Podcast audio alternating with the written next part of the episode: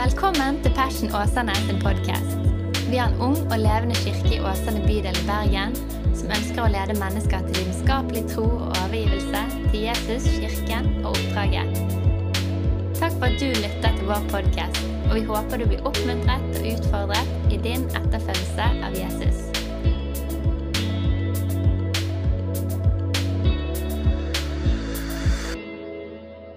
God jul, alle sammen. Kjekt å se dere.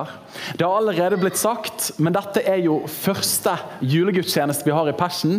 Vi har jo prøvd i noen år, men av naturlige årsaker så måtte det utgå pga. at vi ikke fikk lov til å være for nær hverandre.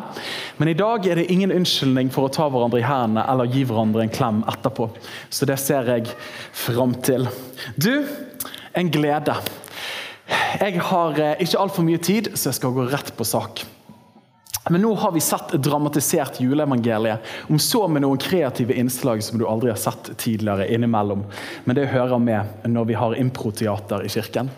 Men vi kjenner jo juleevangeliet fra Lukas det andre kapittelet, når Maria og Josef skynder seg til Betlehem for å skrive seg inn i manntall, og det er ikke plass til de i herberget. Men rett etter denne passasjen i Lukas så kommer det en historie om at når Jesus er født, så tar Maria og Josef Jesus og beveger seg til Jerusalem for å gjøre opp et offer som Moseloven krevde av dem når et barn var blitt født. Og I tempelet der så møter de en som heter Simeon. Og Jeg leser teksten derifra uten å røpe noe mer. Og se, det var en mann i Jerusalem som het Simeon. Og Denne mannen var rettferdig og gudfryktig, og han ventet på Israels trøst. Og Den hellige ånd var over ham. Og Det var blitt åpenbart for ham av Den hellige ånd at han ikke skulle se døden før han hadde sett Herrens Kristus. Så kom han ledet av ånden inn i tempelet. Og Da foreldrene førte barnet Jesus inn for å gjøre med ham etter lovens skikk, tok han ham i armene sine og lovet Gud og sa, Herre, nå kan du fri din tjener ut til å dra herfra i fred etter ditt ord. For mine øyne har satt din frelse, som du har gjort ferdig for alle folks øyne. Et lys som gir åpenbaring for hedningfolkene, og en herlighet for ditt folk Israel. Og Josef og Jesu mor undret seg over alle de ord som ble sagt om ham. Så velsignet Simeon dem, og han sa til hans mor Maria.: Se, han er satt til fall og oppreisning for mange i Israel, og til et tegn som skal bli motsagt. Ja, et sverd skal også gjennombåre din egen sjel, for at mange hjertes tanker skal bli åpenbart. Og valgte å kalle de ordene jeg skal dele med oss i dag, for 'ferdig til jul'. Og ber en enkel bønn. Far, disse øyeblikkene vi deler nå, vil du komme og tale til oss. Og vil du la den virkelige julefreden få senke seg i våre hjerter og våre liv. Amen. Dette begrepet 'ferdig til jul' er jo ikke ukjent for oss som er her. Men tankene våre går fort til alle de gjøremål i førjulstiden før selve julekveld. Og Her kunne noen lange lister blitt skrevet, men ikke minst handler det om å kjøpe inn gavene. Kanskje enda verre, som min svigerinne Ida har prøvd fortvilet å gjøre på vår side, på den siden, er å få inn julegaveønskene fra alle. Og Det er jo ingen enkel sak i seg sjøl. Men å kjøpe inn julegaver, pakke de, for så å levere de ut. Og nå kunne jeg sikkert fått håndsopprekning her, men hvor mange av oss syns ikke det kan være vanskelig å dele ut julekortene, og finner seg etter nyttår med en mengde julekort som du aldri fikk delt ut. Men Det fine er at du kan bruke de neste år. Etter gavene så skal jo òg huset ryddes og vaskes, og ikke minst maten skal kjøpes inn og tilberedes. Denne listen høres kanskje enkel og ryddig ut, men vi alle vet, og da kanskje særlig for mor, at denne tiden før alt er i boks, kan være preget av en berg-og-dal-bane av emosjoner. Der man er innom både snev av glede, men kanskje enda mer frustrasjon og dårlig tid. Stress, strev og dårlig stemning. Men når så kveld er der, og det må jo sies at mødre er helter, men de rundt mødrene òg kan av og til få med seg de oppturene og nedturene, uten å gå mer inn på det. Men når så kveld er der, har forhåpentligvis de ulike sinnsstemningene ikke lagt lokk på familierelasjonene. Sånn at når kveld endelig er ankommet, så kan man lene seg tilbake og si endelig, nå er vi ferdig til jul. Og Jeg håper og ønsker at alle skal få den erfaringen i kveld, særlig de som har stått mest på. Men det er ikke til å komme unna at den julefreden der varer dessverre altfor kort. For at nyåret kommer brutalt fort med sine egne bekymringer og utfordringer. Og den freden som var så deilig kveld 24., er plutselig forduftet. Og Kanskje for noen her inne så er han allerede forsvunnet i morgen tidlig når de våkner klokken seks. Men uansett, den freden er kortvarig. Men dette ordet 'ferdig' hadde jeg lyst til å stoppe opp med på denne julaften. For ordet 'ferdig' er et spesielt ord. På den ene siden kan det signalisere sorg ved at et liv er ferdig, en arbeidskarriere er ferdig, eller som altfor mange dessverre erfarer i dag, at forhold er ferdig, mor og far er ikke lenger sammen. Men det ordet 'ferdig' kan òg bære med seg noen av de mest fantastiske etterlengtede ordene som et menneske kan høre i sitt liv. Legen som sier til deg 'din sykdom er ferdig, du er frisk'. Eller du blir fortalt deres kamp er ferdig, dere vant fram. Eller enda mer nært og personlig. Mitt jag er ferdig. Jeg har funnet fred. Men Gud òg bruker dette ordet 'ferdig'. Men hvordan bruker han det? Vi leste i vår tekst i dag at Simeon kommer bort til Maria og Josef, tar barnet i hendene. Litt freidig type, det her.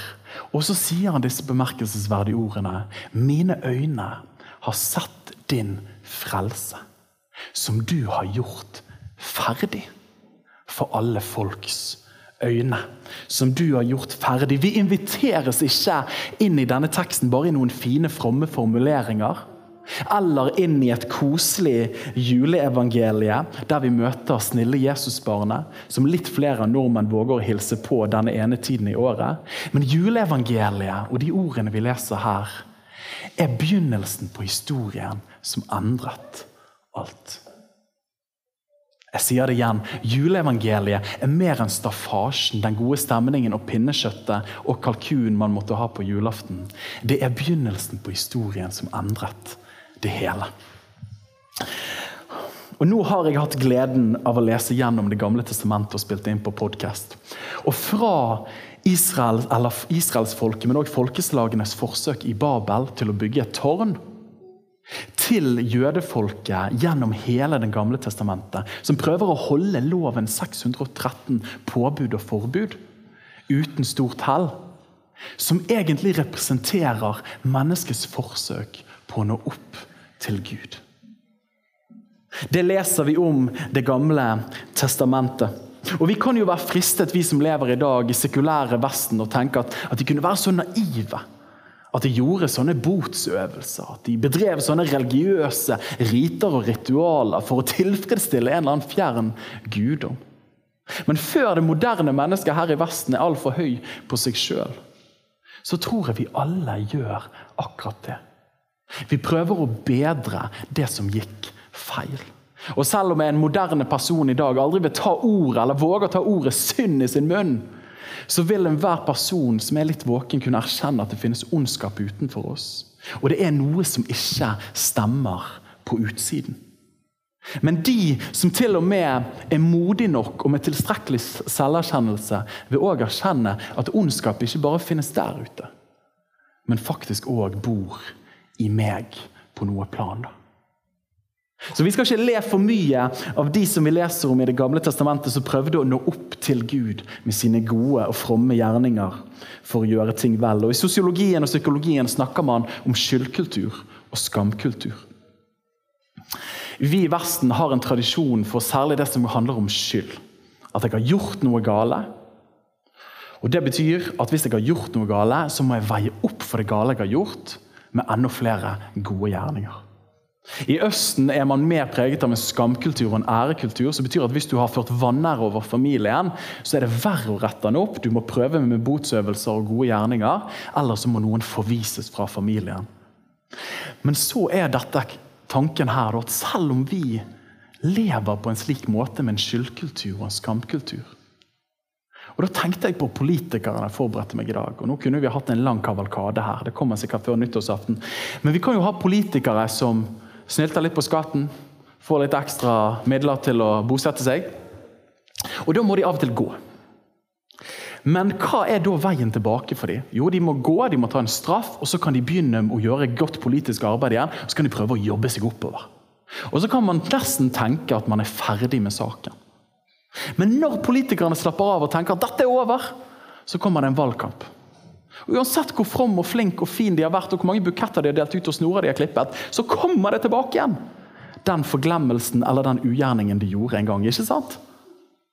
Hva er problemet? Problemet er at Uansett hvor mange gode gjerninger vi prøver å kompensere i møte med skyld eller skam, så er det ingen av oss som besitter en tidsmaskin som gjør at vi kan gå tilbake i tiden, dessverre.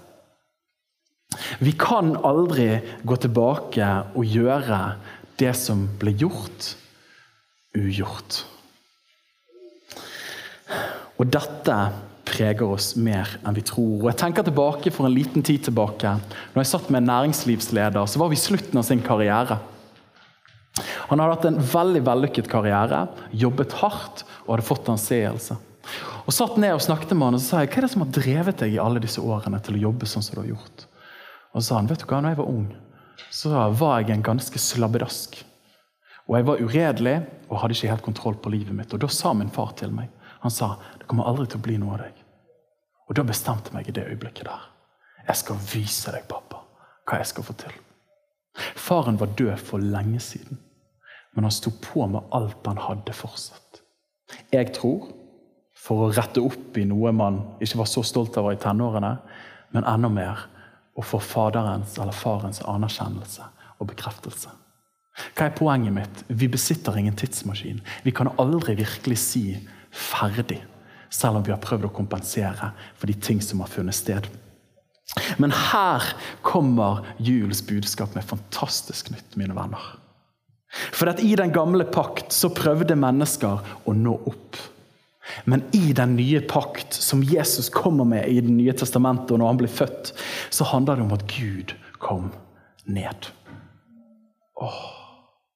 Ja, der våre gjerninger ikke nådde opp, der nådde Guds nåde ned til oss. Så våre forsøk er ferdig og ble funnet utilstrekkelig. Men Guds frelse er òg ferdig og ble funnet tilstrekkelig. Og Julen forteller to budskap.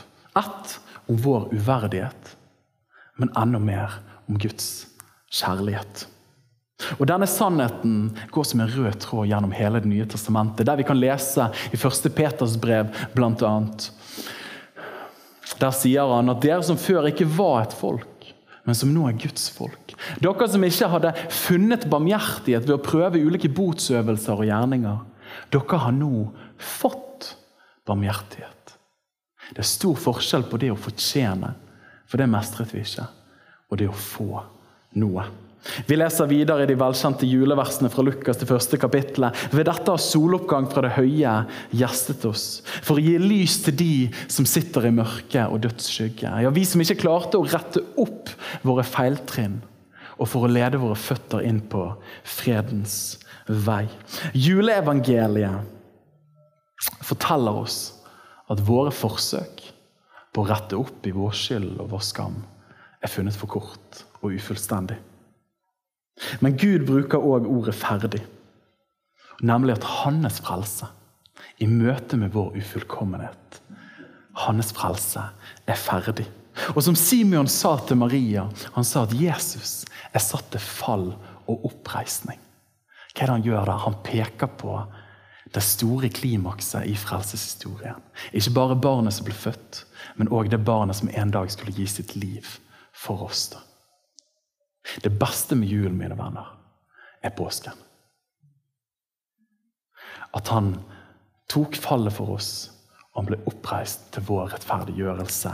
Og hva er det han gjør når han er der på korset? Jo, han benytter seg av disse velkjente ordene. Det er ferdig. Hva betyr det? Det betyr at våre forsøk på å rette opp den ugjerning som har blitt gjort i våre liv, og det vi angrer over, og den tidsmaskinen vi ikke eier, så sier han at dine forsøk nå på å prøve noe opp, de er ferdig. For min nåde og min kjærlighet har nådd ned til deg. Og jeg tror at bare å høre de ordene der, på den måten, ferdig, er det som virkelig kan gi oss fred i vår sjel. Og gir oss faktisk en fred som varer inn i evigheten. Gud tvinger seg ikke på. Han inviterer, men ikke kontrollerer. Så om vi tror mye eller lite i dag, så tror han sier til hver og en av oss Kom, for alt er gjort ferdig. Skal vi be sammen? Jesus, takk for at du kom til jorden. Fordi at våre forsøk ikke nådde opp. Derfor visste du at du måtte komme med din frelse, som òg er ferdig, og vi kan bare få ta imot i ditt gode navn. Amen. Takk for at du lyttet til vår podkast. Hvis du synes den var bra, så del den gjerne med noen flere. Vil du vite mer om hvem vi er, hva som skjer, og kanskje besøke en av våre gudstjenester, se vår nye hjemmeside på fashionåsane.no, eller følg oss på sosiale medier. Helt til slutt, ta imot Herrens velsignelse. Herren velsigne deg og bevare deg. Herren la sitt ansikt lyse over deg og være deg nådig. Herren løfter sitt åsyn på deg og gir.